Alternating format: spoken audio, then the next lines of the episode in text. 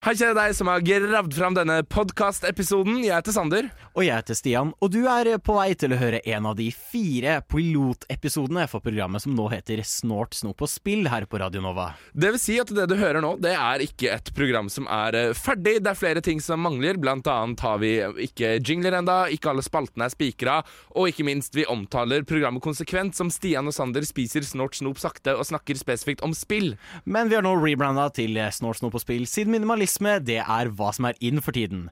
Men frykt ikke, vi kommer til å være i full force tilbake den 21. januar, for det er da Snort, snop på spill launcher. Så kos deg med dette, ja, kall det kanskje et vors, og så snakkes vi i januar.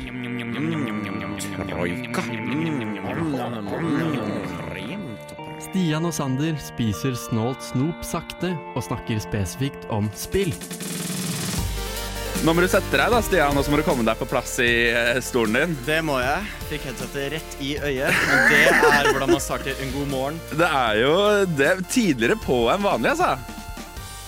Du, skal, ikke sant? du kan ikke justere lyden din her. Nei, jeg kan ikke justere lyden min. Eh, Men ja, vi er tidligere på enn vanlig. Vi starter klokka 11 i dag. Solid morgen tenker jeg vi skal skape nå. Men du, Hva tenker du at vi skal prate om i dag? da? Har du noen planer om det? Oh, jeg vil prate om et av mine favorittspill som endelig er ute på alle plattformer. Ok Og er det teasen? Da skal jeg også snakke om et av mine favorittspill som endelig er tilbake på alle plattformer. Oi, kanskje jeg skal legge til. Vi skal snakke om annet Persona 5. Vi skal også innom uh, Bajonetta 3-dramaet. Å, for et drama det er. Og ikke minst da, Gotham Nights Som og også er FPS.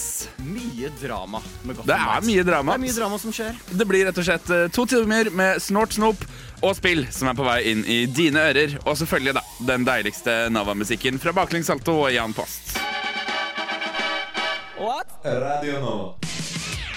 For en fantastisk innsats av deg! Det er ganske imponerende at du er på uh, tuna inn på radioen din så tidlig på en eh, lørdag. Men hallo! Det er jo utelukkende for å rekke snort, snop og spill. Det var i hvert fall baklengssalto og Jan Postløpe sang i Stian og Sander spiser snort, snop og snakker spesifikt om spill på Radio Nova. Yes. Og nå kommer vi jo til det snåle snopet. Dagens snåle. Ja, eh, og vi kan jo egentlig introdusere det med Nidars egne ord. Oi. Denne halvrunde sjokoladebaren på 37 gram vekker tydelige assosiasjoner til Karibien. Oi. Ja, nå sa jeg nesten navnet. Historien, går, historien til den sjokoladen går tilbake til 1938. No, noe som gjør det til en av de virkelig varige klassikerne. Det var tydeligvis originalt en konfekt, men den har mista statusen det, så det sier jo litt om kvaliteten tydeligvis på det her. Ja, men Nå her- er altså- den en vanlig sjokolade som er svindyr som bare rakkeren. Oi, er den så dyr? Den kosta 23,50. Oi, herregud, da. For disse 38 grammene med karibisk assosiasjoner. Vi skal selvfølgelig til sjokoladen Yara. Ja, Yara. Men eh, hvis du er Ubisoft, eh, så skal vi til Cuba. Helt riktig. Eh, sjokoladen som jeg lurer på om smaker som cubanske sigarer. Yeah. Det finner vi ut av. Skal vi se. Men kan vi bare, bare sånn at de som ikke er inn på Yara-vitsen, kan komme inn på den med en gang. Yara er da altså stedet hvor Far Cry 6, spiller jeg forsvarte hederlig og ærlig forrige gang, foregår. Og det er Cuba. De bare vil ikke si at det er Cuba. Det er ikke et politisk spill, ifølge Ubisoft.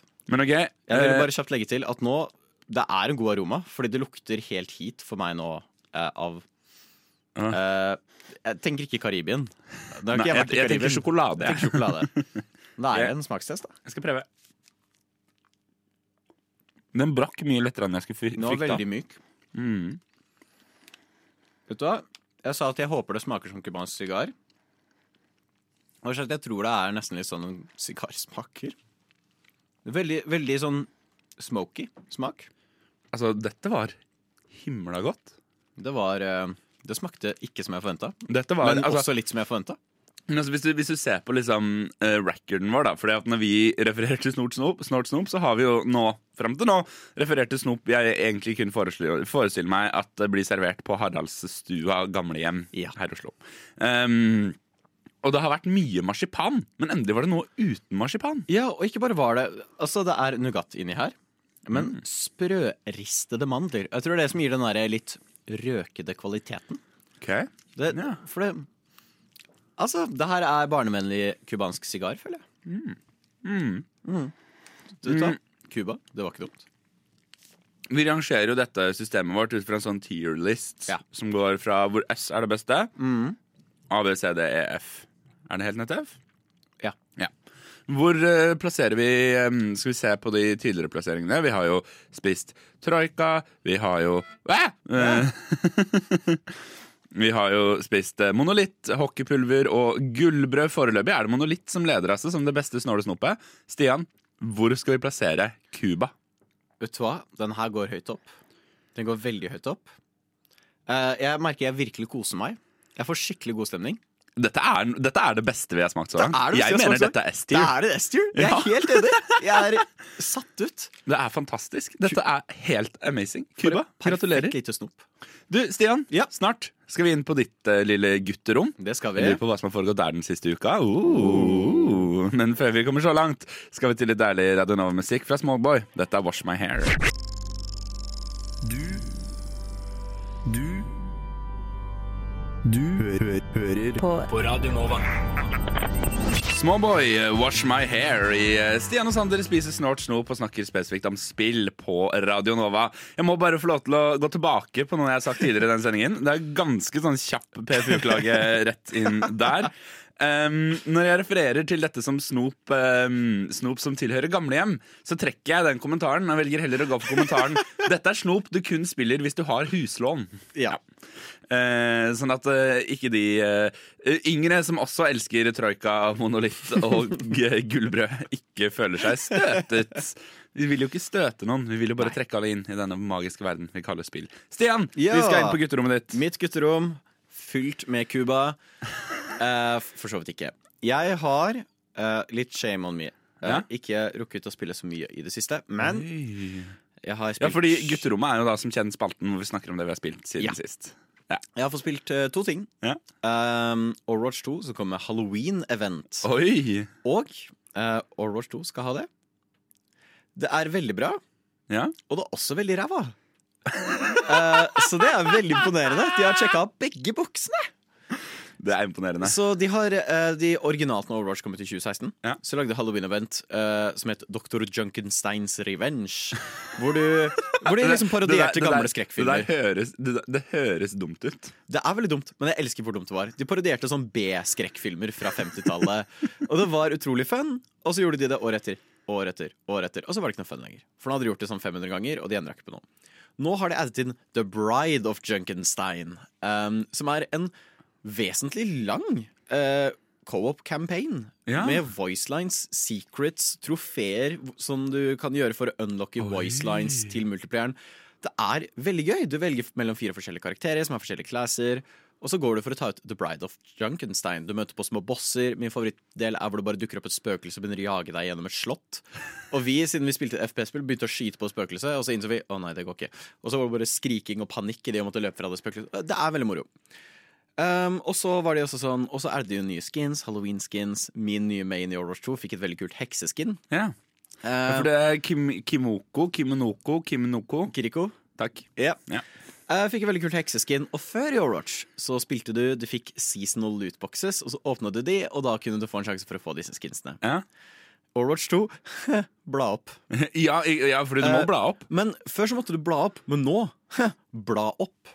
Eh, Ok. Så de var veldig cheeky, for de var sånn Å ja, når, eh, når vi får Halloween-eventet, så skal det være mulig å earne Uh, rewards. Ja, for det har jo, altså Overwatch 2 er jo kritisert for å være et gratisspill som gjør det altså, liksom, altså, At du må åpne lommeboka, da. De er grådige jævler. Um, men så var det sånn Å, du skal kunne tjene ting for Halloween-eventet med å gjøre challenges basert. Og det er sant, men det eneste du får, er uh, voice lines.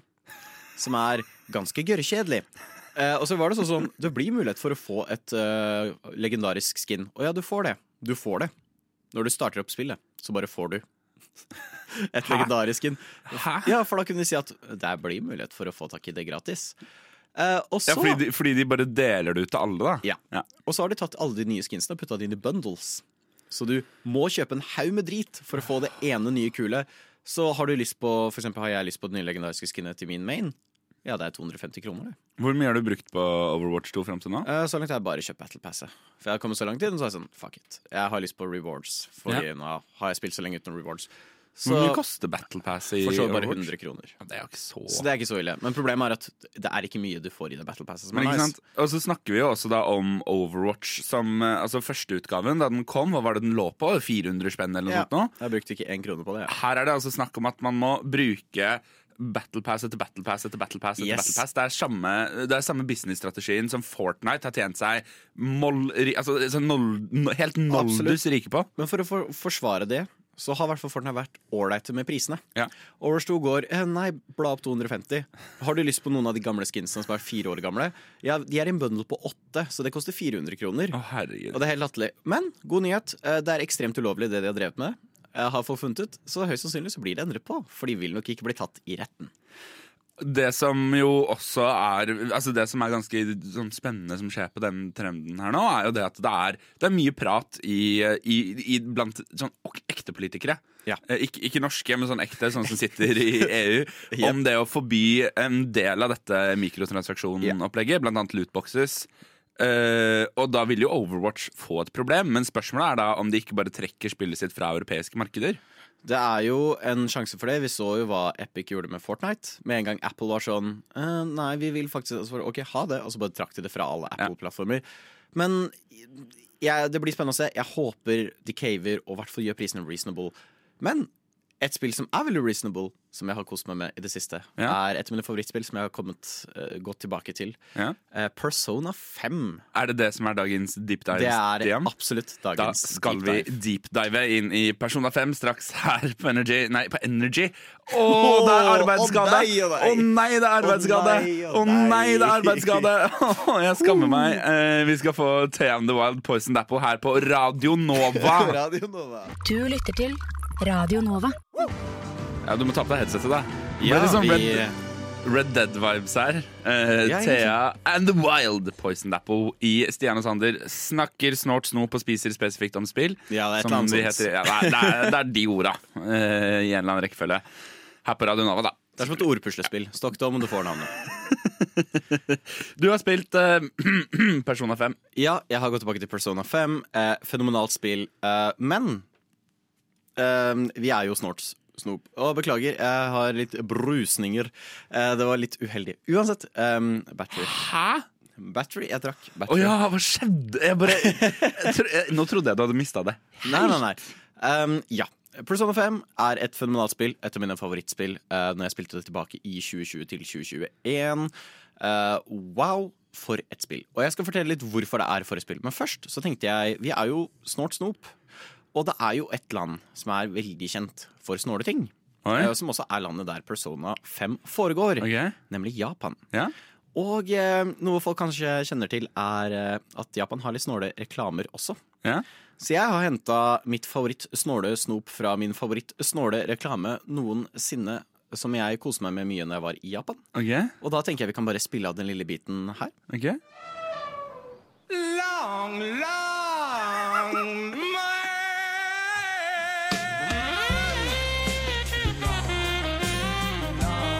Ok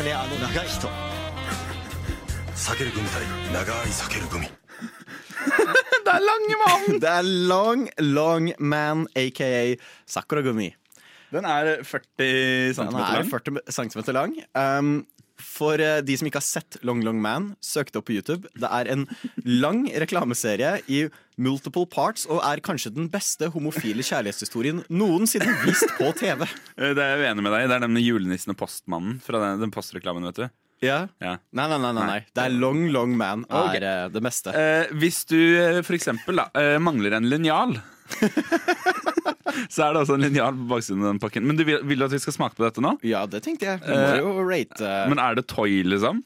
Hæ? Er det toy? Toy? Ty tyggis? Nei, nei, nei, det er ikke tyggis. Nei. Det er eh, gummigodis.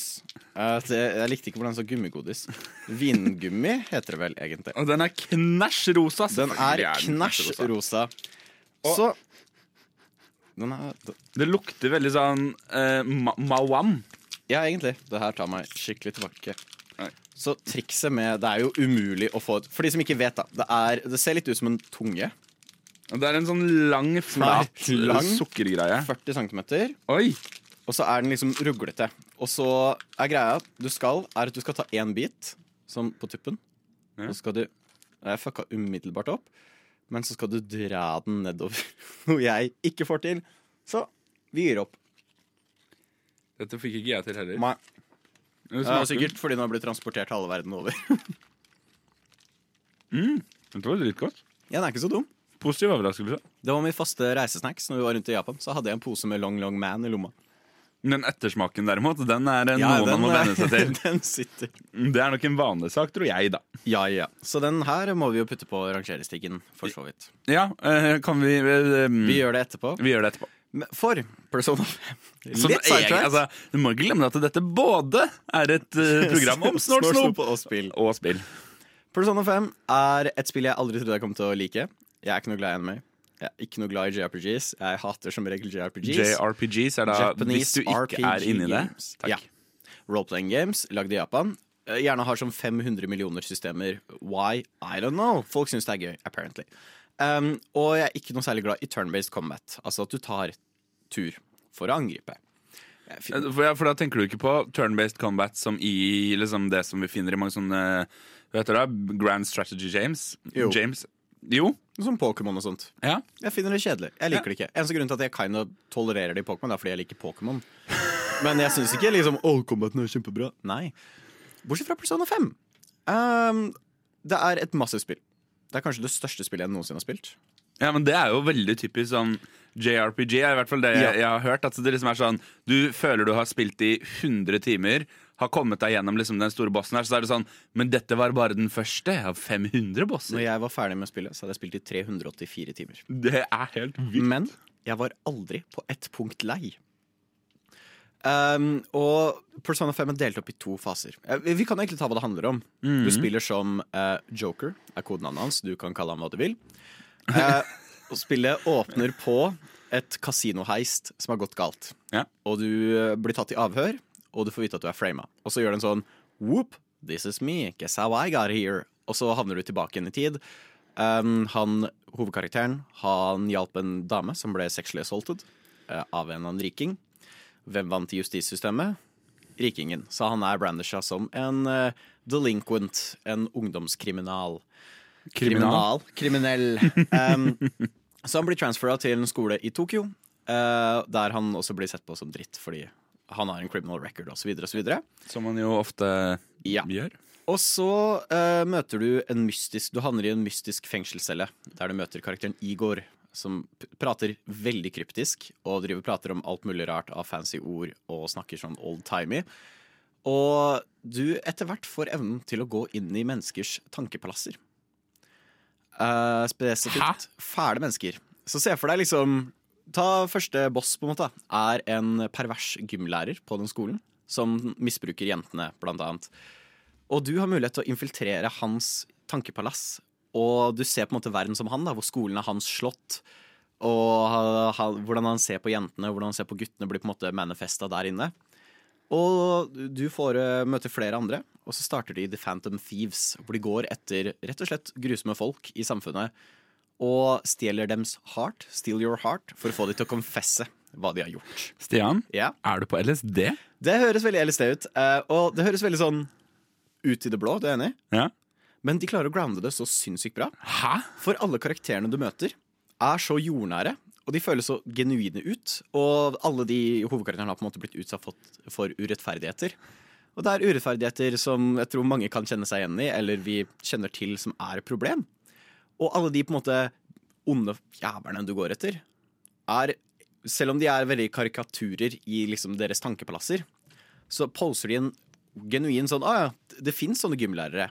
Det er en som er en del av mafiaen eh, osv. Det er korrupte politikere. Du har CEOs av selskaper som misbruker eh, folka sine. Alle disse er liksom veldig ekte. Ja. Og så får du denne karikaturen av hvordan de ser på seg selv når du infiltrerer disse tankepalassene. Så storyen er veldig bra. Handler om å rette galt i samfunnet og ordne opp i ting. Um, og så er combaten. Og så er en bit som er combat. Ja. En bit er social simulator. Og de jobber med Men, øh, altså, jeg, jeg prøver så godt jeg kan. Ja, Jeg, jeg prøver. Det er svarspill. Det er svarspill. Dette er, dette er noe av det mest forvirrende jeg har vært med på i hele mitt liv. Så du har en bit av spillet hvor du går rundt, vandrer ut i Tokyo. Du kan gjøre hva du vil. Du kan dra og se på kino. Du kan henge med venner.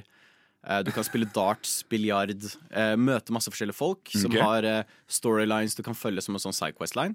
Og alt det påvirker combaten, som er den andre delen av spillet. Hvor du går inn i disse tankepalassene og gjør combat. Så de har uh, nå må jeg prøve, Det er veldig vanskelig å forklare, men de har noe som heter confidence-system. Så hver karakter du møter, representerer et tarot card. Og etter hvert som du progresser i deres lille questline, deres historie, du får høre hvordan de har blitt wronget av eh, andre Ja. folk, så unlocker du små additions til combat. Så når du går over til combat-siden igjen, så har du enda mer stuff å leke med. Og dette holder de på med i 300 timer. Og så det er konstant et eller annet nytt å komme tilbake til. Eh, alle disse småkarakterene er skrevet fantastisk bra. Jeg glemte at vi har et teppe, så vi kan jo kjøre det teppet, for musikken er også fenomenal. Ja, musikken hørte jeg på på vei hit eh, etter tips fra Stian. Det var bra, ja.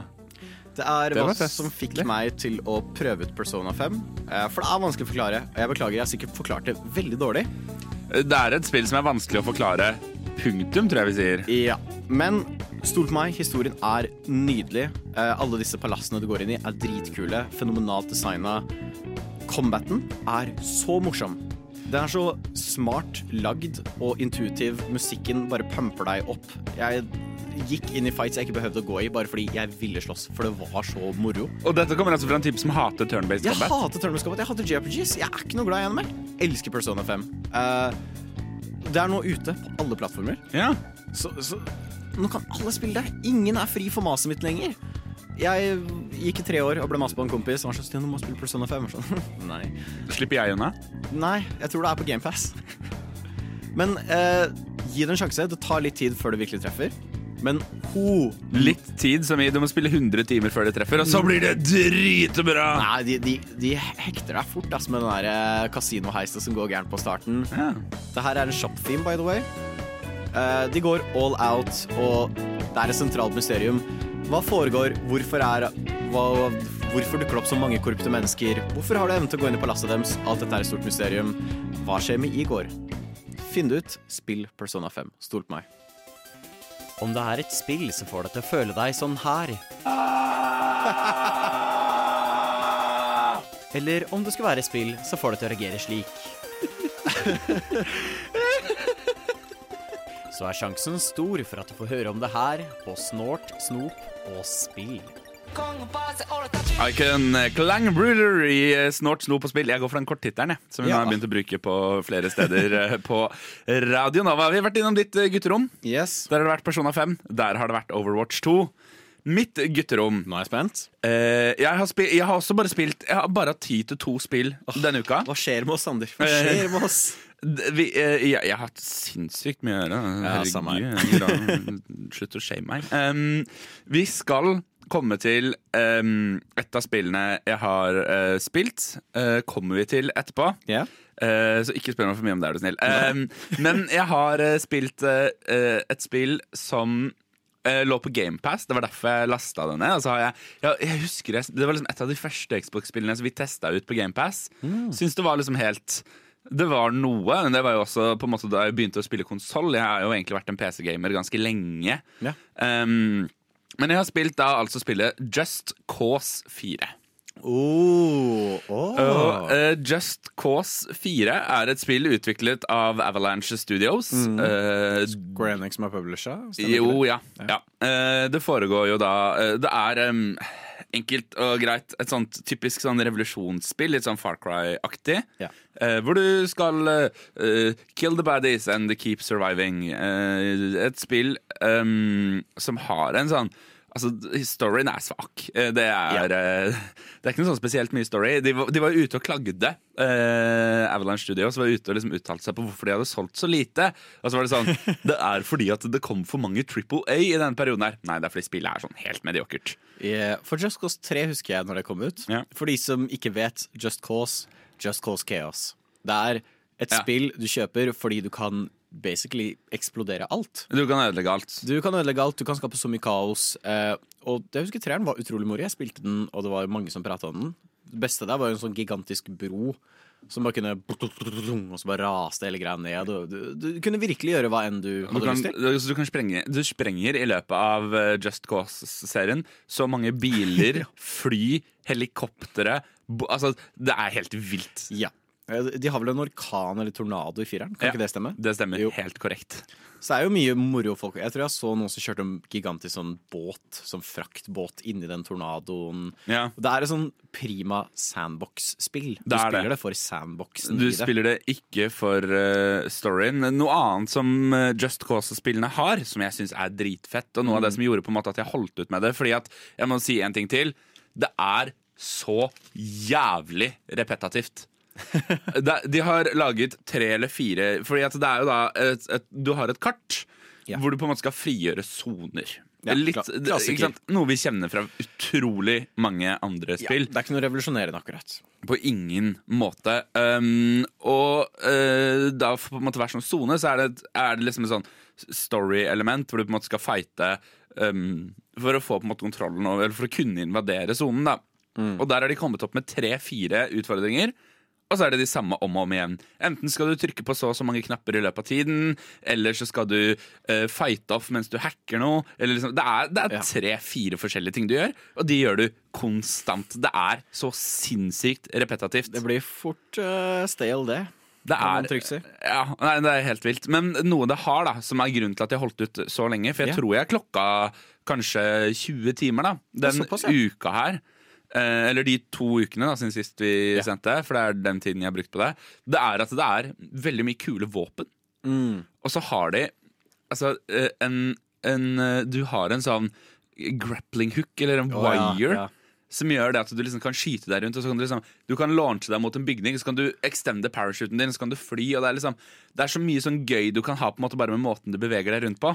Men ellers så er det et skikkelig, skikkelig sånn helt middels spill. Det er ikke dårlig, det er bare ekstremt middels. Mediocre. Jeg tror mange også kanskje kjenner en Just Cause, for de har sett sånn Would I Survive This Crash på TikTok. Det er som regel sånn bilkrasj fra Just Cause. Ja. For det har en ganske god destruction engine, så de bruker det for å liksom Bil som faller ned en klippe, og så er det sånn mm, I would survive this. Mm, never mind. Så er det bilen bare blir most. Det er ofte Just Cause. Men det som også er veldig Altså, eh, for, for det skal du ha. Det er, det er gøy å ødelegge ting. Men det er klart at når du kan hoppe i en fallskjerm fra 3000 meters fot, altså hoppe ut av et fly fra 3000 meters høyde, Ja. falle beint ned mot bakken i Altså sånn seriøst, liksom eh, 2900 meter. Ja. Og så siste eh, faen, siste meteren, så kan du extende parachuten. Lander helt greit. Null stress! Dette ordner vi, du og jeg. Ja, det, det mangler litt omf, kanskje. Men jeg har spilt et annet spill eh, også den uka her. Ja, dette har vært Er dette den store hemmeligheten? Dette er den store hemmeligheten, for jeg har nemlig ikke bare spilt spillet. Du har levd spillet? Jeg har anmeldt det for oss. Oi. Og den anmeldelsen den får du her på Radio Nova hvert øyeblikk etter Tiger State. Lyssna stedet til Radio Nova. Tiger State, eh, Occupied i Stian og Sander spiser snart snop og snakker spesifikt om eh, spill. Jeg teaset at den ville komme. Det er en beefy anmeldelse. Vi er oppe i åtte og et halvt minutt, og vi bare kjører i gang. Dette er min anmeldelse. Kongen av FPS-spill er tilbake. Og når kongen kommer, ja, da er vi dekket på med kruttrøyk, kulehull og dynamitt.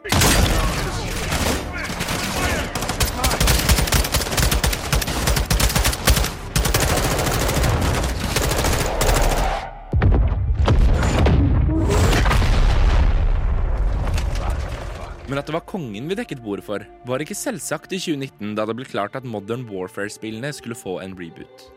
For reboots, det er skumle greier. For hver Doctor Who er det fire Charlies Angels. Men idet denne anmelderen kunne synke ned i sofaen med kontrolleren i neven, og for første gang ble møtt av introskjermen til Call of Duty Modern Warfare, ja, da var det klart at dette definitivt var en Doctor Who. Et spill som sikret at Call of Duty og ikke minst Modern Warfare-serien kunne beholde kronen og tronen som konge på FPS-fronten. Og på fredag kom oppfølgeren med det passende navnet Call of Duty Modern Warfare 2. Og mulighetene for å anmelde dette spillet til dagens sending ville vært få hvis det ikke hadde vært for spillets salgsstrategi som var å gi alle som forhåndsbestilte spillet, tilgang til kampanje eller historiedelen av spillet en uke tidligere. Derfor har undertegnede anmelder fått spilt gjennom hele denne delen av spillet. Og selv om spillet har en multiplayer-funksjon, Warzone, vil ikke dette være en del av denne anmeldelsen. Vi fokuserer på kampanjen. Kampanjemodusen i Call of Duty Modern Warfare 2 trekker oss ut av det fiksjonelle Urkistan, et land med tydelige paralleller til Afghanistan, der vi befant oss sist. Og vi befinner oss nå i Mexico i majoriteten av de seks timene historien varer. Dette er takket være kartellet Las Almas, som står knedypt i et plott som involverer iranske våpenavtaler, stjålne amerikanske missiler og smugling av terrorister. The Los Alamos cartel is smuggling an Iranian terrorist over the border. Laswell, terrorists don't cross the southern border. We know that, and they know that, and that is exactly why they're do need to stop it. Det føles som om Infinity Ward og Activision fomler etter noe konkret å knagge historien på. Forgjengeren bedrev historiekunst med tydelige paralleller til både krigen i Syria og terror i London, og vi fikk et innblikk i de menneskelige historiene knyttet til militær okkupasjon, også fra okkupantens side. Today, Sergeant. It shouldn't have happened in the first place, sir. They sent us in half-assed. So everyone can just keep pretending we're not at war. Yeah, like the fucking century, that is. Why have we got our hands tied? Let's just take the bloody gloves off and fight. Modern Warfare 2 forlater disse menneskelige elementene og satser på bredere og tynnere action. Det hele er mindre Erik Poppe og mer Michael Bay. Resultatet er en historie med paddeflate karakterer og den mest forutsigbare plottvisten jeg noen gang har opplevd. Og at karakterene svikter, er virkelig overraskende. Majoriteten av protagonistene kjenner jeg nemlig fra før. Du bytter på å spille som den skotske og rappkjefta John Soap McTavish, som er paret opp med den noe mystiske Simon Ghost Riley, og Kyle Gass Garrick paret opp med den vel så kjente Captain Jonathan Price. Med unntak av Gass, som ble introdusert i rebooten, er de alle karakterer den velbevandrede Modern Warfare-spilleren kjenner fra før av. Og Derfor er det perplekst at man ikke gjennom de seks timene vi bruker i spillet, knytter noe nytt kjennskap til karakterene.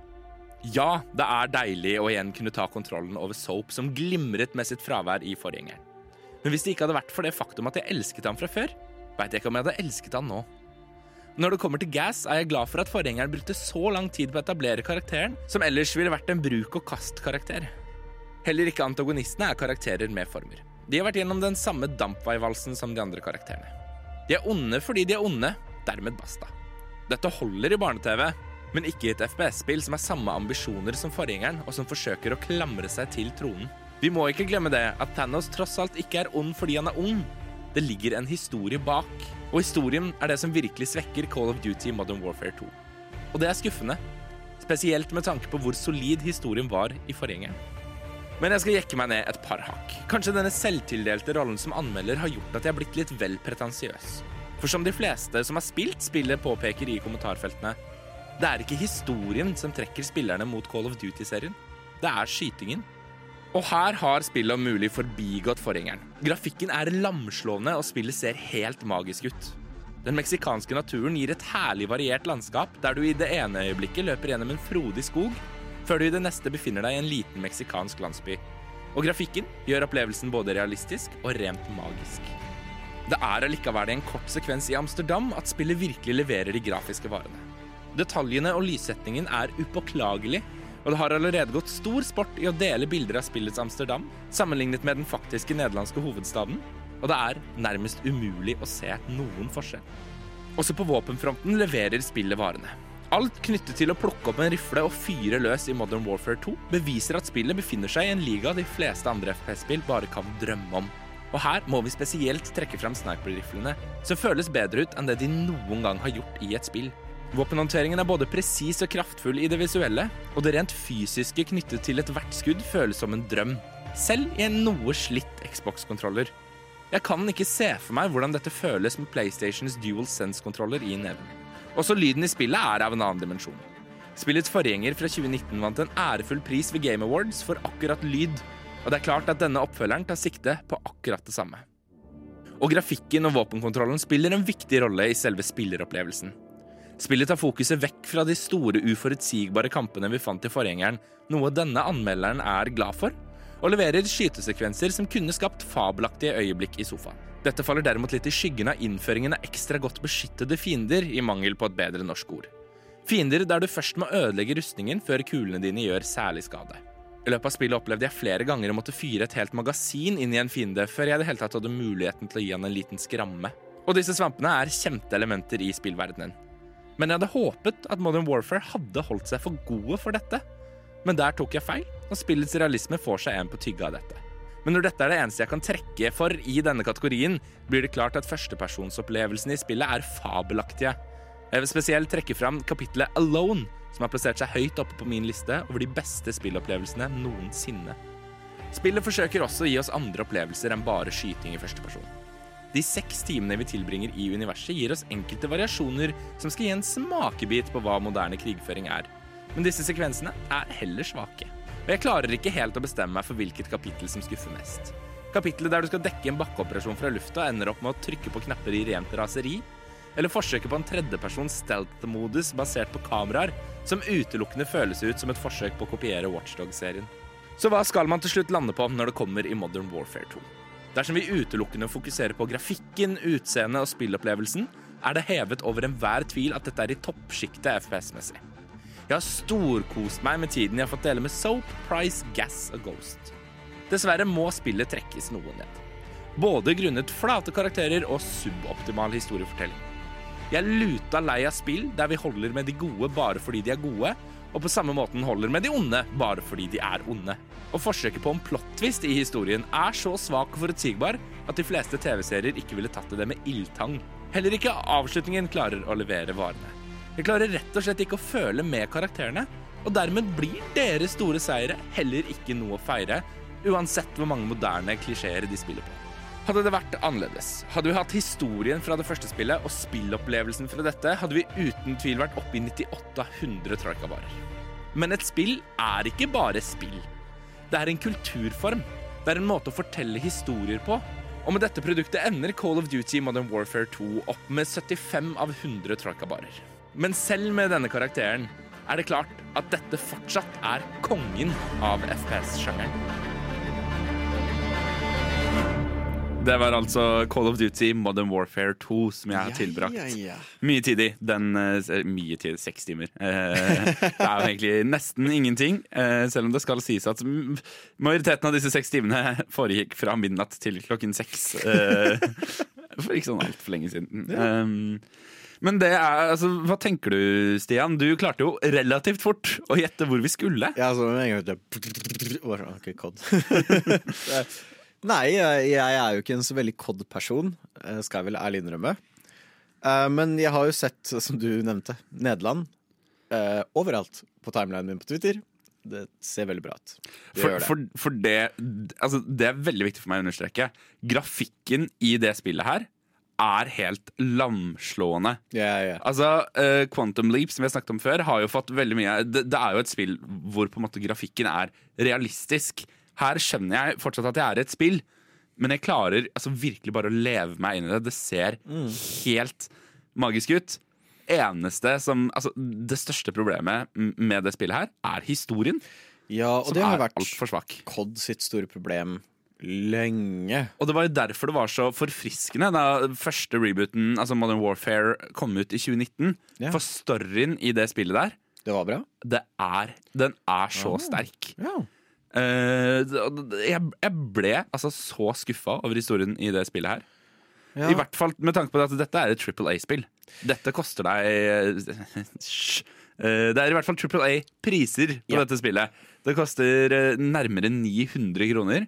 For, og for meg så er det 900 kroner jeg bare kommer til å bruke på kampanjemodusen, for jeg fucker ikke med Battle Royale. Det er ganske mye. For det er jo Man kan jo legge fram da at et stort problem med COD er at de er kanskje litt for patriotiske. Som du nevnte her, at det er ikke noe twist villain. Det er bare sånn De er ikke som oss. De, vi, de er slemme. Vi må ta Ja, det, dem. det er jo et forsøk America, hell yeah. Ja, altså, det- her- Der vil jeg faktisk si meg uenig, akkurat okay. når det kommer til det spillet her.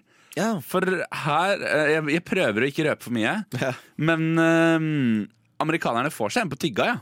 Ja, ok. Eh, selv om på en måte du Men det føles Men Er det fordi amerikanerne var feil, eller var det fordi bad guyene var litt for flinke? Eh, det ønsker jeg helst ikke å gå inn på. Eh, Nei, men altså, det er jo noe av det mest amerikanske popkulturelt som finnes. Selv Ja, om du det det. denne gangen utelukkende spiller med britiske soldater. Ja. Um, men skal du bruke 900 kroner på Call of Duty Modern Warfare? Det er jo kanskje spørsmålet du nå sitter igjen med. Og jeg eh, tenker at hvis du elsker Call of Duty-serien, hvis det og FPS-spill, altså hvis dette er noe du har brukt mye tid på, og Mm. noe du er investert i, altså absolutt, det er et, det er et dritbra spill. Jeg hadde også da anbefalt Skaff det digitalt, Ja. fordi disken er fake. Som ble stor, det er bare 70 megabyte med data på den, som bare instruerer hvilken konsoll du har til å laste det ned fra nettet. Disse 100 gigabytene. Så ikke kjøp disken, ta heller kjøp det billigere digitalt, fordi disken er fake. Ja, um, men hvis, dette er, altså, hvis, det, hvis du nå på en måte er på jakt etter ditt første FPS-spill, hvis du ikke har vært mye inne i Call of Duty-verden før, kjøp Modern Warfare 1 fra 2019. Mye, mye bedre som en introduksjon til denne uh, sjangeren. Som var Dette, dette ble en lang rant uh, om eh, om eh, spill. Vi skal rante mer om spill. Det er ikke lenge før. Oh, men vi skal også høre litt deilig Radionova-musikk. Vi skal til Simen Steinklev. Dette er hilsen vi som skulle bli noe. Du lytter til Radio Nova.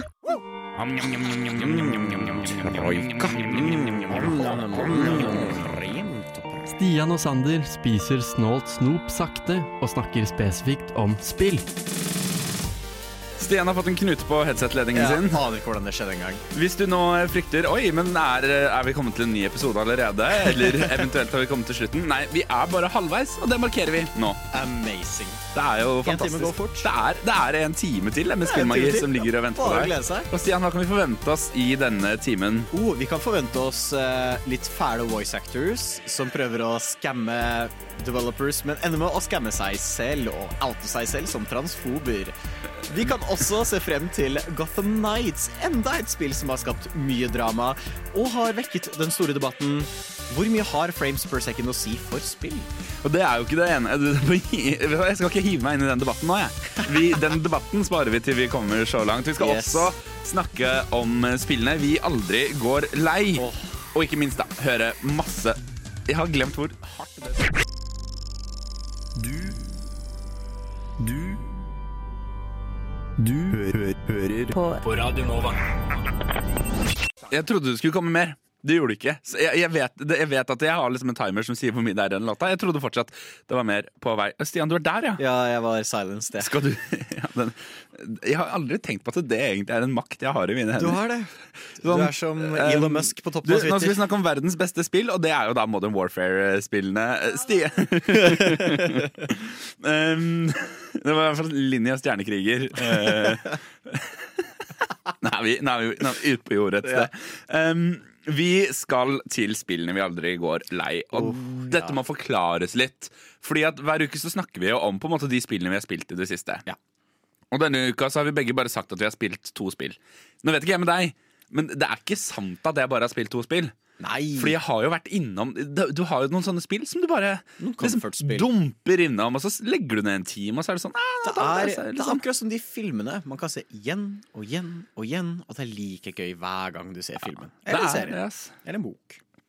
Så jeg er veldig spent på eh, liksom, hvilke spill du Mm. har lyst til å trekke fram, Stian. Kan ikke du gi meg et spill du aldri går lei? Jeg vil dra fram Det er teknisk sett en serie, så litt juks, men mine absolutt favorittspill of all time Bioshock. Ja? Bioshock 1 og Infinite er i min mening kanskje Er i min mening det beste FPS-spillet noensinne lagd. Uh, solide ja, for da tenker du på FPS som i first player uh, First person shooter. Ja, du tar feil. Uh, Det er solide spill med eh, kanskje den beste historien i noensinne fortalt, i min mening. Eh, solid historie som hvis du gjør ferdig Bioshock 1, Infinite og alle DLC-ene, så blir det så perfekt wrappa opp. Uh, perf jeg kan ikke tenke meg noe som er galt med de spillene. De er nydelige. Morsom combat. Du har skyting i den ene hånda, men som mikser opp med genetiske powers i den andre. Eh, Så et av de første spillene som introduserte environmental hazards. Så for eksempel, hvis du tenner på en fiende, så vil de løpe mot vann. Og hvis en fiende står i vann, og du zapper elektrisitet i den vannet, så tar de ekstra mye skade. ja. Og det ligger olje på bakken, du kan tenne på oljen, nå brenner det ekstra sterkt, osv., osv. Det er så stor Det er en veldig simpel gameplay, men det er veldig dypt hvor langt du kan dra det. Det er så mye du kan gjøre, og på en måte enhver comment Encounter blir liksom et puslespill. Uh, og Infinite så flyr det rundt på berg-og-dal-baner med en liten sånn grappling hook, samtidig som du drar inn ting fra andre dimensjoner på battlefieldet. Og du har gameplay fra eneren. Fenomenale spill. Elsker det. Storyen er briljant, og du kommer til å bli mindblown eh, 500 år bakover, for du bare What?! Så det er alltid, alltid noe å komme tilbake til. Selv om det er storiespill som har en start og en slutt, så Ja. finner jeg alltid noe Det er alltid noe liten hemmelighet, en liten sånn environmental storytelling-bit jeg ikke har sett før. Det er alltid et eller annet som får meg til å gå oh, det der visste jeg ikke. Ja, For dette er ikke open world. Nei, dette er storiespill som går fra ende til slutt. Altså, Nei, fra, et- fra start til slutt. Typisk lineært spill, da. Ja. Men det er så mye å finne. Jeg har spilt gjennom det i hvert fall 14-15 ganger. Eh, og det er alltid et eller annet som er sånn ah, Den tingen visste jeg ikke. Og det er bare en veldig fun historie å gå gjennom. Men hvor ofte legger du deg på sofaen og drar opp eh, Bioshock? I hvert fall, Jeg spiller gjennom hele serien i hvert fall én gang i året. Ja. Det er solide spill. Du da, Sander? Du, eh, jeg, jeg har valgt å gå for et eh, Jeg syns jo på en måte kanskje de spillene som for meg har mest sånn gjen... eh, replayability. Ja. Jeg gidder ikke norsk, jeg. Nei. Norsk er et språk som mangler gode By the way, side note. Ja. Norsk er et språk som mangler gode spillord. Ja, det er det. Det er det. Veldig, veldig det. Altså, så, jeg, hva var det? Det var et eller annet jeg satt med i den anmeldelsen. Uh, extra reinforced enemies. ja, ekstra beskyttede fiender. Det er jo den, det er jo noe av det dummeste jeg har vært med på i hele mitt liv. Yes. Uansett. Uh, jeg mener kanskje at noen av de spillene som har mest replayability, det er sandbox-spill. Ja. For det er jo eh, Det er, det er ingen, det er ingen lineær Det er handling. Du bare Det er bare, du bare går inn, gjør hva du vil, og så går du ut igjen, og så er du ferdig, på en måte. Mm. Um, så jeg har valgt å trekke fram um, egentlig på en måte hele selskapet Frontier. Ah. Eh, men nå kanskje akkurat det jeg på en måte har dilla på nå, da Planet Zoo-spillet. Oh, ja, det men det skal sies at Frontier også Det er Frontier?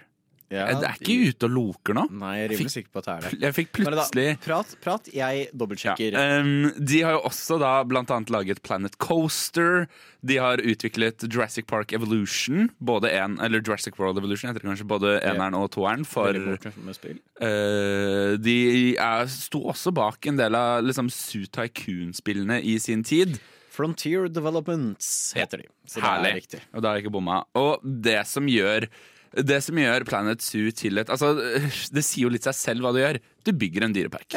Det, er, det er så enkelt som det. Og det er på en måte Ja, det er en, det er en side der som liksom er park management, som er liksom ansatt, sette nye folk, og passe på så gjestene har det de trenger, og passe på så dyrene har det de trenger, og passe på så at det ikke blir for mange dyr i et habitat. Det, det, det er liksom på en måte en del av det, men det som gjør Planet Zoo og for øvrig også Planet Coaster til fantastiske spill, er den muligheten du får til å bare bygge, være kreativ, tenke nytt, tenke Mm, Istedenfor å bygge gjerder her, hva om vi har en naturlig steinbarriere med enveisglass? Og det, er liksom sånn, det er så mange muligheter for å være kreativ, for å bygge uh, for å, Altså, du får blokker, primært. Du får liksom ikke bygninger, du får blokker. Og så gjør du hva faen du vil med dem. Det er utrolig gøy. Og det er så deilig å ha i et spill. Og altså, Steam har jo noe som heter uh, Steam Workshop. Ja. Der finner du for veldig mange spill veldig lite. Eh, men for akkurat de spillene her så er det så fylt av liksom ting folk har laga. Og du kan bruke Jeg kan bruke en dag Altså jeg kan bruke en hel sånn spilldag i form av liksom det jeg ville spilt i løpet av en dag. Ikke en dag i et spill. eh, på å bare gå inn i workshopen, laste ned andres dyreparker, laste ned andres habitater og bare se hva folk har tenkt. Fordi det er så utrolig godt. Og det er et, igjen et spill som har et fantastisk community også. Et veldig aktivt community. Uh, så det er et spill jeg ikke går lei. Og det er liksom et sånt spill hvis jeg er sånn, sånn som nå. Når jeg satt og var provosert over den evinnelige knappetrykkingen i Call of Duty Modern Warfare 2, satte jeg spillet på pause, gikk over til PC-en, buta opp eh, Planet Zoo, la inn en time, gikk tilbake hjem. Helt, helt fantastisk eh, spillopplevelse. Absolutt. Vi har flere spill vi aldri går lei. Er flere, men først Oi, Har du lyst til å ta hele jobben, eller skal du bare liksom minne meg på at jeg har en jobb å gjøre? Nei, eh, men det er litt vanskelig å si. Er det Pigtape. Figtape. Figtape. Søren med Second Thoughts.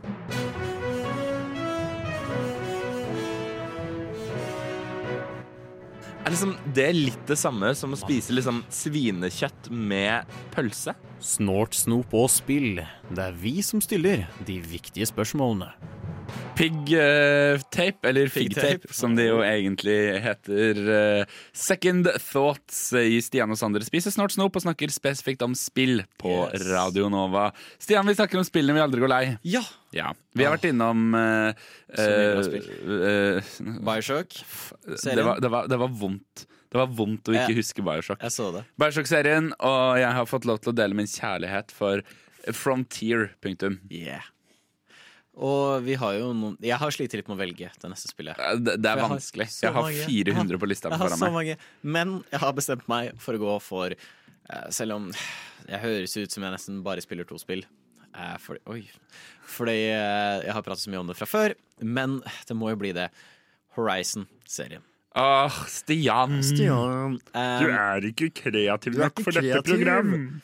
Eh, Zero Dawn var mitt go to slappe av-spill. Ja. Bare gå rundt i verden og bare høre på, se på den nydelige, pene verden, samtidig som jeg hørte på fantastisk god musikk i øret mitt. Elsket det. Nydelig. Eh, bare lot meg chille og slappe av. Og det var alt noen audiologer jeg kunne se med, om jeg fant. Og nå har jo for så vidt Zero Dawn blitt erstattet av Forbidden West, det nyeste. Eh, det er bare så perfekt spill. Det er sånn, ja, jeg kjeder meg, jeg trenger å slappe av eller et. Gå inn, bare nyte den pene verdenen samtidig som du hører på fenomenal musikk fra annet musikere som Joris The Man. eh, beste artistnavnet noensinne. Eh, Horizon har et nydelig soundtrack. eh, som bare, sånn, jeg vet ikke om jeg skal beskrive det. Rullende. Rullende soundtrack. Det er ikke sånn Breath of the Wild, pling plong, pling pling pling. Men det er ikke heller sånn Skyrim, hvor det er fanfarer og tromboner, og alt er så høyt oppe. Ba-ba-da-ba. Det er liksom ikke noe sånt. Du er- mener Call of Duty-musikken? ja, for eksempel. Det er veldig sånn behagelig, sånn avslappende, fin musikk. Uh, så jeg, jeg liker det veldig godt. Jeg går virkelig aldri lei av å bytte opp Horizon. Ja, eh, da skal jeg gjøre noe av det samme som du nettopp gjorde, og også snakke om Fordi at jeg er jo Altså, jeg, jeg mener jo uten tvil de enkleste spillene å trekke fram i en kategori med spillene vi aldri går lei. Jeg håper vi får tid til noen honorable mentions. Vi, vi må gi oss selv Ja, tid til noen må- honorable må mentions. må det. Um, men det, altså, Sandbox-spill og den typen ting er veldig lett å trekke fram. Men i og med at du har trukket fram et storyspill, så skal jeg også trekke fram et storyspill jeg helt oppriktig laster ned ganske ofte. Yeah. Spiller litt, og så sletter jeg. Okay. Um, og det er to. Eh, men eh, jeg skal trekke fram et av dem. Det er Watchdogs 2. Oh, San Francisco. Eh, jeg synes altså Watchdogs 1, da det kom yeah. Fy faen, for et bra spill. Yeah. Nå, etter at jeg har fått tårn og treeren Fy faen, for et utrolig mediokert spill. uh, altså, jeg, det var sånn, jeg husker ikke Jeg skjønner ikke hvordan jeg klarte å bruke så lang tid på runde første gang. For den storyen er faen kortere enn en gjennomsnittlig Call of Duty-game. liksom Men uh, det som er så deilig da med Watchdogs 2, er at det er et open world-spill. Ja. Og det er jo, Vi har snakket om sandbox-spill som spill som er veldig lette å komme tilbake til. Open world-spill også. Altså Du kan gå inn i verden. Det er jo en grunn til at GTA Online Altså at GTA fortsatt har enormt mange spillere. Absolutt. Og ikke minst GTA Online. Det er jo fordi at open world-spill Det er så mye du kan finne på. Jeg burde legge til Horizon også er open world-spill. Ja. Eh, så det er jeg, jeg, jeg tror jeg har spilt storyen i det spillet to ganger. Og jeg tror jeg har liksom 600 timer i det. Fordi jeg bare har liksom hevet meg i en bil, og så har jeg kjørt en tur. det har liksom vært noe jeg har gjort. Bare fordi at det spillet Det er et spill hvor jeg virkelig liker Jeg liker knappetrykkingen. Ja. Alt på en måte hva var det, hva var det, Dette var også en ting de, de lærte meg at på norsk heter sånn spill, Spillopplevelsen. Spillopplevelsen. Men det føles feil å bruke det. på en måte Men ja, den er, eh, den er helt fantastisk. Mm. Skal vi fyre av med to-tre to, tre honorable mentions hver? Yes, jeg vil da legge til 5 Royal, som jeg allerede har pratet om, så jeg skal ikke prate om det, men jeg la det til. Eh, Stardew Valley går jeg aldri lei av å spille. For et spill. Ja. Det, det har jeg hørt om Det har jeg hørt at du har en kjærlighet for før. Åh, så bra. Da hiver jeg meg på med et annet eh, sandbox-spill, jeg. City Skylines. Eh, Ja. bygg, bygg en by, ha det gøy. Eh, Animal Crossing New Horizons. Sandbox-spill. Nydelig. Veldig gøy. Sid Mayers Civilization enten fem eller seks. Fantastiske grand strategy-spill. Uh. Pokémon White 2. spiller jeg spilt konstant siden 2012. Da må jeg trekke fram det siste, det siste som jeg holdt på å trekke fram i stad. Modern, Modern Warfare 1 fra 2019. Yeah. En del av de missionsene der har jeg spilt så mange ganger fordi at det er så bra. Det er, noen av dem er bare så utrolig herlige spillopplevelser. Det er spillene vi alltid spiller, så de neste gang vi kommer og sier at vi bare har spilt to spill, så har vi spilt ett av disse andre også. I bakgrunnen. Uh, men det er ikke det som vi skal Det er ikke det vi skal prate om i dag, holdt jeg på å si. Eh, Grapefruit, Arcade Love. Det, derimot, det skal vi høre på. Lyssna stedet til Radio Nova.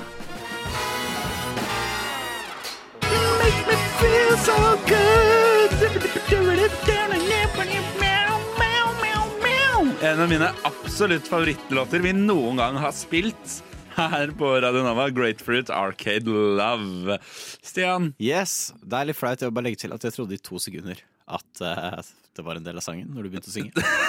Så faen, jeg var sånn Nei, vent, det er det ikke. skam deg. Ja, det skammer meg faktisk veldig over det. Eh, vi skal, altså, eh, det, det, har vært et, det var et annet spill som kom denne uka. Uh, og Uh, det var Jeg lå la meg, la meg ta deg gjennom okay. en dag i mitt liv. Eller en ettermiddag i mitt liv. Jeg lå på sofaen, Yes. hadde buta opp Xboxen, hadde akkurat uh, Hadde jeg spilt ferdig nå, eller var jeg bare lei? uh, Just Cause 4. Så jeg gikk inn i Xbox Store og tenkte nå har jeg, nå har jeg brukt GamePass ganske mye. GamePass er veldig fint, Ja. men jeg liker også kjøpespill. Mm. Eh, fordi, mest fordi at det er liksom den mest direkte måten å støtte de som utvikler spillene på. Ehm, så gikk jeg inn og gikk liksom inn på New Games. Hva er det jeg missa? Er det noe her som er bra? Eh, det jeg eh, Jeg har kanskje Mitt største sånn spillhull er eh, en del av de gamle Altså er liksom en del av spillene som kom ut på en måte i den perioden hvor jeg uh, spilte veldig mange sandbox-spill før jeg fikk meg Xboxen. Fordi at innimellom der så hadde jeg ikke noe som på en måte tålte noe som helst. Um, og da snublet jeg over uh, et, da, Eller da dukket et spill opp som jeg liksom ikke helt Jeg hadde hørt hypen rundt. Eh, og det heter da Gotham Nights. Ja, det stemmer. Uh, det spillet hadde fått så ræva kritikk at jeg heller eh, gikk videre og fant ut av at Call of Duty nå var mulig å spille campaign på, og gjorde det istedenfor. For Gotham Nights har vært highly anticipated. Veldig etterlengtet. Ja, altså fordi at dette, bare sånn at du vet hvor, hvilken verden vi skal i. Vi skal jo selvfølgelig inn i DC Batman-verden. Ja. Og DC og Batman har gitt oss Arkham Asylum og Arkham Knight. Veldig bra spill. To spill som legendariske. Og så har det jo gikk det litt sånn ut av komfortsonen med par av de siste Arkham-spillene, og folk var ikke sånn veldig happy. Og så ble Gotham Nights announced nå noen år tilbake, og Ja. de var litt sånn ah, 'Vi går tilbake til hva som var bra'. Og da sånn oh, de går tilbake til hva som var bra'. Og så, i et fenomenalt PR-move, så velger de én uke før spillet kommer ut. Og det er viktig nå å få fram at en av de store greiene med next gen-konsoller, PlayStation 5, Xbox Series X osv., er 4K 60 frames per second. Altså 60 bilder per sekund. De fleste spill før har gått 30. Kan jeg bare få lov til å nevne eh, Ja. Det er for øvrig også roten i på en måte den, den store krangelen mellom eh, PC og konsoller. Ja. Er det at uh, vi skryter av våre 60 frames, og de spiller liksom i 250 000 frames. Ja. Um, vi kommer til det snart. Men så i et fenomenalt PR-move så går de ut og går uh, Ja, uh, spillet vårt uh, det, det går kun i 30 frames på, på, på PlayStation og Xbox. PC, kos dere. Og folk blir justifiably upset, Ja, fordi de har allerede preordra spillet. De var ikke klar over at det ikke kom til å være Fordi mange spill lar deg velge. For eksempel ta Horizon Forbidden West. Lar deg velge Vil du ha mindblowing grafikk? Vil du ha rendra inn hvert bidige gresstrå, alt er bare Eller vil du ha litt mindre stuff, litt mindre fancy grafikk, men alt går smooth i 60 frames? Ja. Eller alt går i 120? Ja. Uh, det er ikke et valg her. Du kan ikke velge 60 frames eller bra grafikk. Um, så folk er litt sånn What? Hvorfor sa dere ikke noe før nå? Og de er sånn «Eh, Nei, det er jo et godt spørsmål, da. Og så gir de ikke noe konkret svar. Spillet kommer ut, og det er ikke så bra heller. Nei, det er jo det som på en måte jeg tror det tok fem timer å unlocke på én karakter. Liksom bare en parachute for å bevege seg rundt. Eh, men du har fire karakterer, så du må gjøre det tre ganger til. Eh, kos deg. Ja. Eh, så Sant. det er jo bad. Men det har Hvordan jo lage et spill som ingen har lyst til å spille. Yes. Sånn. Så det har jo starta denne nye debatten igjen, da. Eller gamle debatten har jo starta opp på nytt.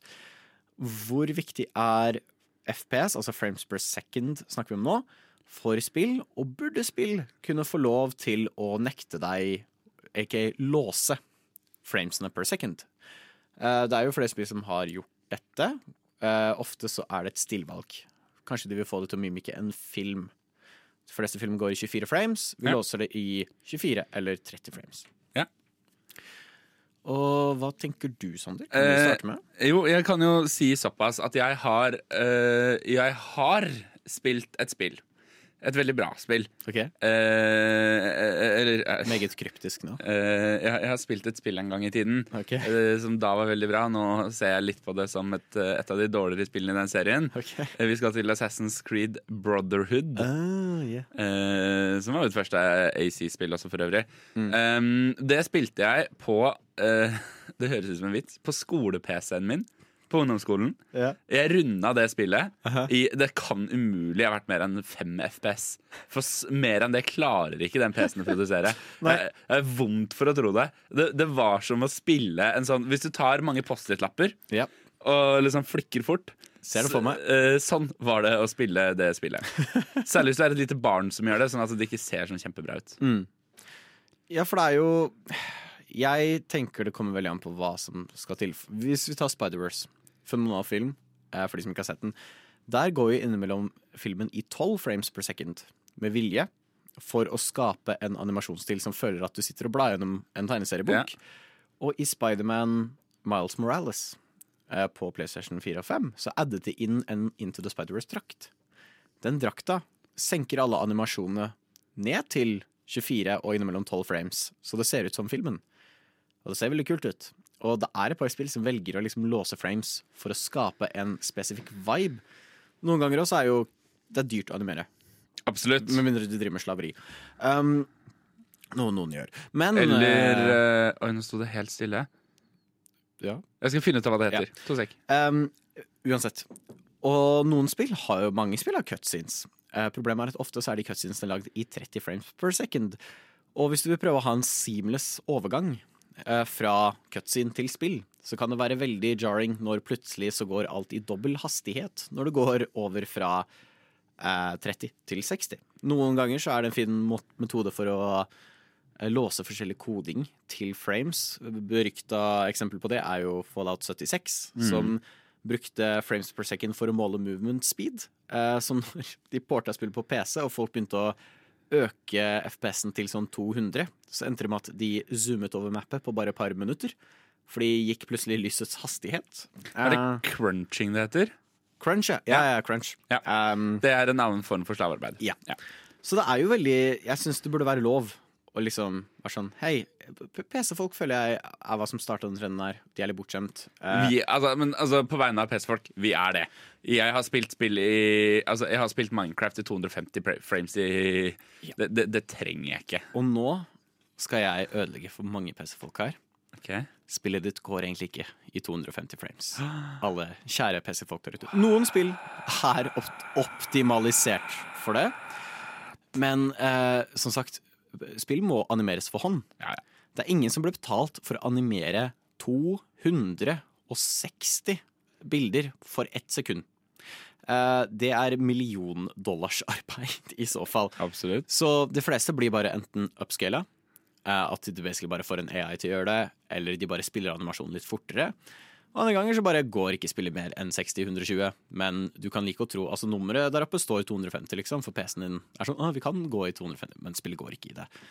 Uh, men de fleste liker også Å, tallet mitt er stort, da. Stian, du ødela nå. uh, Dette var den siste episoden. Av... Det var den siste eh, episoden. Jeg har eh, gjort alle forbanna. Men, men altså, eh, hvis vi på en måte skal prøve å lande noe her, da. Ja. eh, la oss forsøke på det. Altså, Gotham Nights eh, At de låser spillet i en viss FPS, jeg kunne faktisk ikke brydd meg mindre. Så Nei. sant, så, altså, så sant spillet, idet jeg setter meg ned, eh, kontroller i hånda, ligger på sofaen Hvis det ser bra ut, Yeah. hvis, hvis alt smooth Selvfølgelig hvis det begynner å hakke, Ja, eller hvis ja, det ser ut som en dårlig film Nei, men så sant det runner smooth, så sant det ser bra ut driter jeg i hvor mange FPS jeg har. Og i denne tiden også bare gjør det klart og tydelig at vi kommer ikke til å ha 60 frames, og også kanskje ikke være sånn dere skal få 60 frames, dere får ikke 60 frames.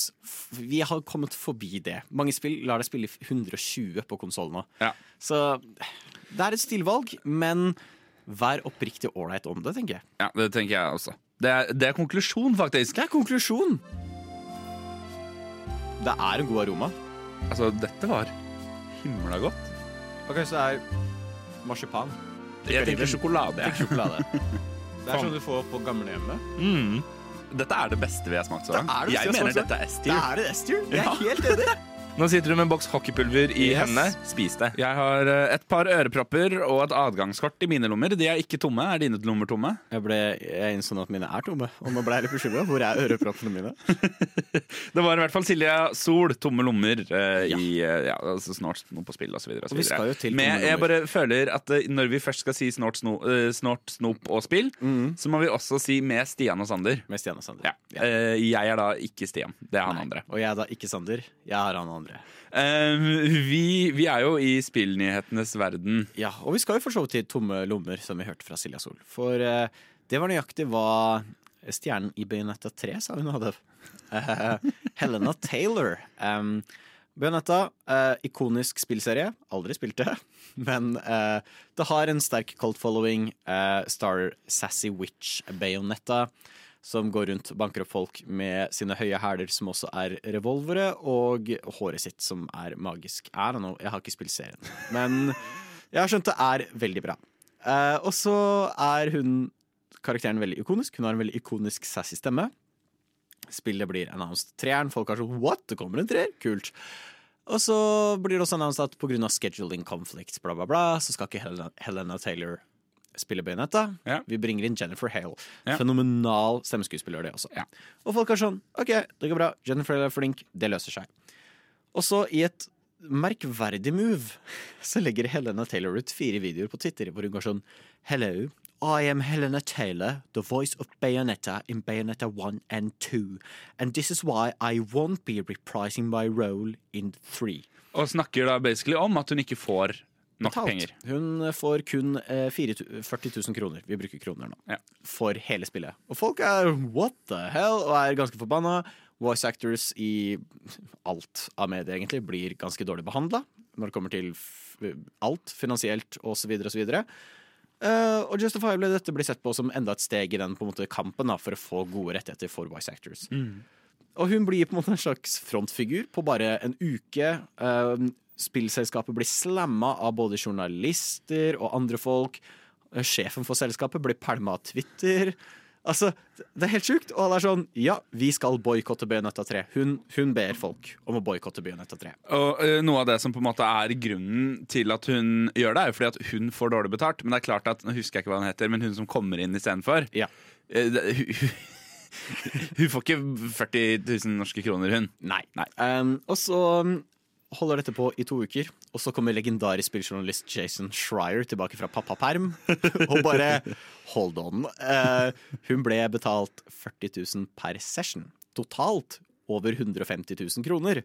Som er over industristandardbetaling. Det er ekstremt innafor. Ja, hun kunne kanskje fått noen tusen mer, sure, men det er vanvittig god betaling. Absolutt. Um, og så finner du ut at å, de, de 4000 dollarene, 40 000 kroner hun prata om, ble hun til slutt tilbudt når hun nekta å ta rollen for en cameo, som også er vanvittig god betaling. Og sånn, nei, fuck dere, boikott Bayonetta 3.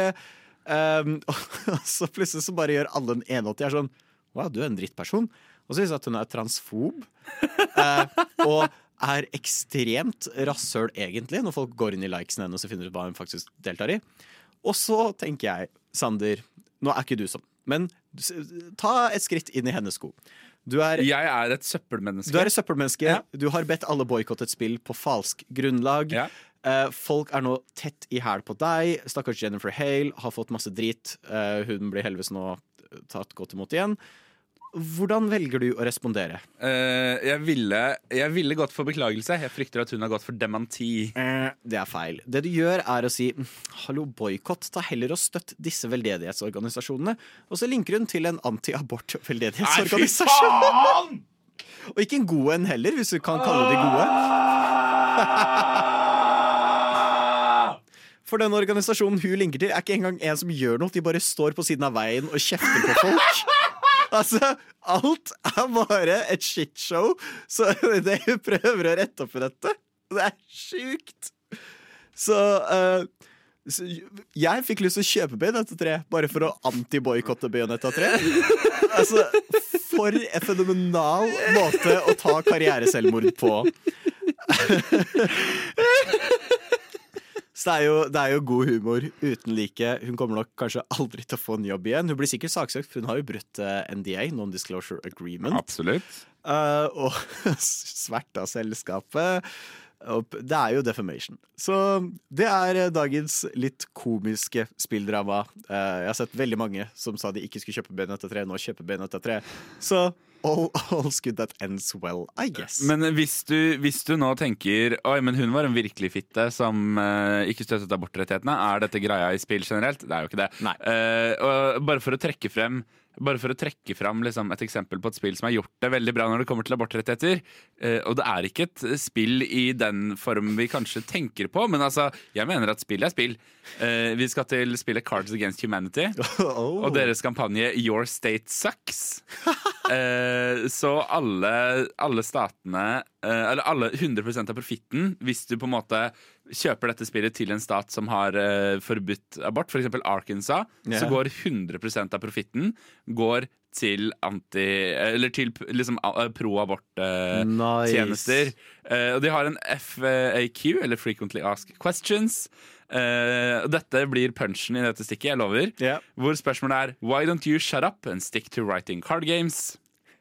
Her er det Uh, Cards of uh, Cards Against Humanity svarer Why don't you stick to fingering your asshole, asshole while watching the Home ship Shopping Network?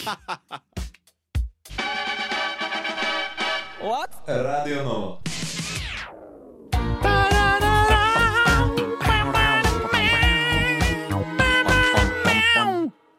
Tiger States, eh, back to you i Stian og Sander spiser snart snop og snakker spesifikt om spill. For en låt. Stian, på mandag er det en spesiell dag. Ja, det er halloween. Ja, eh, og da, Jeg ønsker bare med en gang å redegjøre. Jeg er ikke en halloween-type. Jeg er ikke en skrekkfilm-type. Jeg er ikke en ja, Ta vekk de spøkelsessokkene dine. Eh, jeg er ikke en skrekkfilm-type. Jeg er ikke en skrekkserietype. Jeg har aldri sett eh, American Horror Stories. Eh, den eneste skrekkfilmen jeg noen gang har sett, var Get Out. Da fikk jeg ikke sove på to dager. Eh, nei, jeg har også sett Fritt vilt da jeg var alene på hyttetur med en kompis. Vi hadde Dårlig kniv kniv liggende ved siden av senga. Ja, ser den. Ja. eh, Som, som om vi Som om vi i en alder av 13 skulle klart å forsvare oss mot noe som helst. Det hadde vært en film jeg hadde sett. Um, men jeg skal prøve å anbefale deg et skrekkspill. Ja, uh, fordi at du mener at vi ikke har snakket nok om skrekkspill så langt. Ja, det var litt kryssende å prate om skrekkfilm. Um, eh, det er et par skrekkspill jeg har spilt som jeg liker. Uh, jeg kunne dratt fram Oxenfree, men etter jeg allerede har dratt fram Oxenfree, fenomenalspill, spiller jeg. Uh, Until Dawn er veldig bra, men du spiller på Xbox, så det blir vanskelig. For dere som har en PlayStation, spill det med et kamera. Eh, nå spårer jeg litt, men på slutten på rulleteksten så fant jeg ut at eh, de hadde brukt kamera for å recorde meg hver gang de gjorde en jumpscare. Eh, Så på rulleteksten så så du bare trynet mitt og video av meg som bare Eh, Det var utrolig god humor. Eh, Og de har jo gitt ut The Quarry på alle plattformer som er i samme stil. Og de er veldig flinke på det, men folk kjente ikke The Quarry. Jeg vil highlighte en av mine personlige favorittspill Å nei, dette kommer til å være vondt. som nesten ingen kjøpte fordi Befesta var idioter. Prey fra 2017, fra Arcane Studios, som har lagd Dishonored, eh, er et fenomenalt Ikke for skummelt, for det er survival horror. Okay. Det er ikke pur skrekk, det er survival og skrekk. Um, hvor du er strandet på en romstasjon. Av ukjente grunner så har ting gått skeis, og folk er borte. Og mystiske svarte entiteter kalt mimics og Entiteter. entiteter eh, kalt mimics og åh, phantoms, heter de, eh, går fritt rundt på romstasjonen Talos One. Mimics kan bli til eh, objekter. Så du kan gå inn i et rom, se på en pult, og så er det to kaffekopper. Eh, mm. Så bare hopper den kaffekoppen på deg, går til angrep. Eh, min favoritt var når jeg gikk inn i en garderobe, og det lå eh, tre sko, ikke to. Og sånn uh-oh. Og så bare hoppa skoen på meg. Det er veldig moro. Eh, ganske intenst. Eh, fenomenal story. Eh, og jeg tror det ligger på GamePass. Ja, det gjør det. Jeg, jeg setter det til nedlastning as we speak. Å, nydelig. Prey er et fenomenalt spill som er tragisk. Hadde en ræva market campaign. Det skulle ikke hete Prey. Befesta tvang de til å kalle det Prey. Fordi det hadde market recognition, men ingen spilte det originale Prey. Så det bare var enda mer ræva. Og de som spilte originale Prey, så dette her ikke var en oppfølger til Prey som de trodde. Og de ga det ut i mai, som er et verste tiden å gi ut et spill. Ingen kjøpte det, og det ble aldri noe sequel fordi Bethesda gikk. Ingen kjøpte det, dere får ikke en sequel. Men det er et veldig bra spill. Um, min favoritt er når du er ute i verdensrommet, på spacewalks. Og de har bare translata zero gravity så utrolig bra inn i kontrolleren din. Veldig bra. Det er akkurat passe skummelt til at du ikke liksom driter på deg. Uh, men uh, du har liksom en hagle, så det er vanskelig å bli litt for redd når du har en svær hagle i hånda. Men du kommer til å skvette, og det er veldig gøy. Ja, ikke sant? Så det er en solid solide anbefaling til alle der. Skaff Prey. Spill Prey. Ja, jeg skal også prøve ut Prey. Jeg kan ikke love at jeg runder det. Jeg, jeg, jeg, vet hva, jeg, jeg, vil, jeg vil ikke tørre påstå at jeg, Du hører jeg begynner å stamme med en gang. Yeah. Jeg vil ikke tørre påstå at jeg kommer til å runde en gang. Jeg kommer til å spille i ti minutter. eh, og så eh, spille på Patrol eh, resten av tiden. Men eh, Stian, Yes. eh, vi, jeg, skal, jeg skal teste ut dette skriftspillet. Det er Ja, helt greit. jeg gleder meg til å høre. Ja, jeg gruer meg til å spille. Eh, vi- men eh, vi må jo highlighte en annen ting når vi først sitter her. Jeg skulle gjerne, vi skulle gjerne gjort dette på en annen måte, men vi får gjøre det sånn som vi gjør det nå. Fordi at det norske gaming-communityet Mm. er et fantastisk sted å være. Norge Altså eh, selv om regjeringen ikke satser spesielt mye på spill, selv om kampen for å anerkjenne spill som et faktisk eh, kulturuttrykk Mm. er hard i Norge, Jopp. Så har Norge et veldig godt utviklet uh, spillmiljø. Vi har, uh, veldig, altså vi har egne sider for Spillnytt. Game Reactor, eksempel. Gamer.no. Uh, vi har um, vi har eh, tjenester som Level Up. NRK anmelder spill fra tid til annen, da ved Rune Fjell-Olsen fra føler Level Up. Ja. Eh, og vi har da kanskje en av de største gamingpodkastene vi har i Norge, Nerdelandslaget. Ja. Eh, blant annet da Stian Blipp, Andreas Hedemann, Hasse Hope, Ida Horpestad og eh, Sebastian Brynestad, som står bak det prosjektet der, i samarbeid med House of Nerds, som for øvrig også er et fantastisk tilskudd til gamingmiljøet i Norge. Nerdelandslaget de kjører den helgen her en eh, 73 timer lang, lang eh, livestream eh, til inntekt for mental helse og ungdom. Eh, som er utrolig viktig å sette pris eh, sette mm, fokus på i, mm. i eh, spillverden, og jeg tror nok Uten at jeg på en måte skal påberope meg noe som helst, men er, jeg tror det er veldig mange unge menn og kvinner i Norge som har fått et betydelig bedre liv ved at de har funnet trygge og gode spillcommunities. Eller Absolutt. andre communities, både på en måte lokalt og eh, eh, digitalt. Og dette er veldig viktig. Så em, du, jeg bare anbefaler deg å, eh, om ikke annet, ta turen innom. Se Ja. om det er noe gøy som skjer. Kanskje gi en tikroning eller en 15-lapp, holdt jeg på å si. Alt går ikke. en lang vei. Eh, og bare vær med på å støtte opp både da under norsk spillcommunity og under, uh, under uh, altså dette med mental helse i Norge. Det er utrolig viktig. Um, det kjempefint. Jeg skal i hvert fall sjekke ut. det skal jeg òg. Men du trenger ikke sjekke det ut helt ennå. Du kan gjerne vente til klokka blir ett. liksom. Ja, kanskje lurt. Eh, for å hylle nerdelandslaget og for å eh, hylle dette og norsk spillcommunity, så skal vi til Ida Dorthea Horpestad og hennes band Blomst. Dette er gull i Stian og Sander spiser snort snop og snakker spesifikt om spill.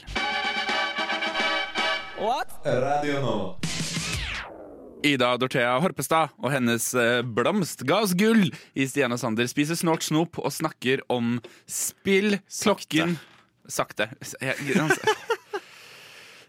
Snort snop og spill. Eh, følg oss for øvrig på Instagram. Stian, Snart klokka snop er og spill på Instagram. eh, 12.55.02. Ja. Vet du hva det betyr? Det betyr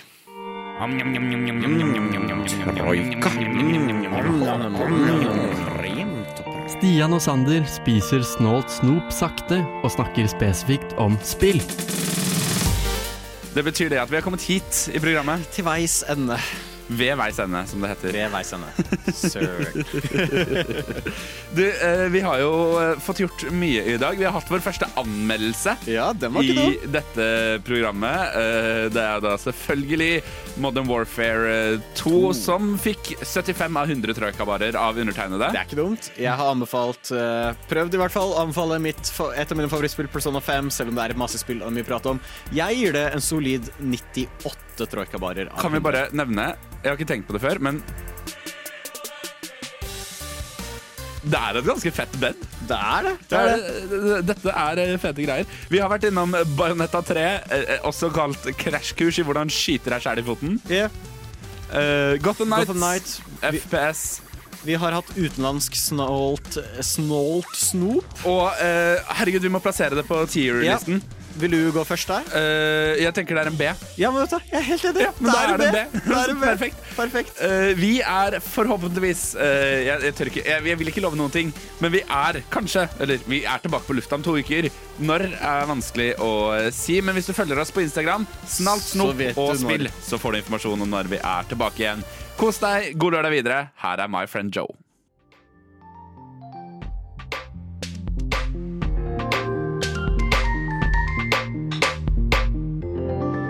Du har hørt på en Radio Nova-podkast. Du finner flere podkaster i din foretrukne podkastavspiller eller på vår hjemmeside radionova.no.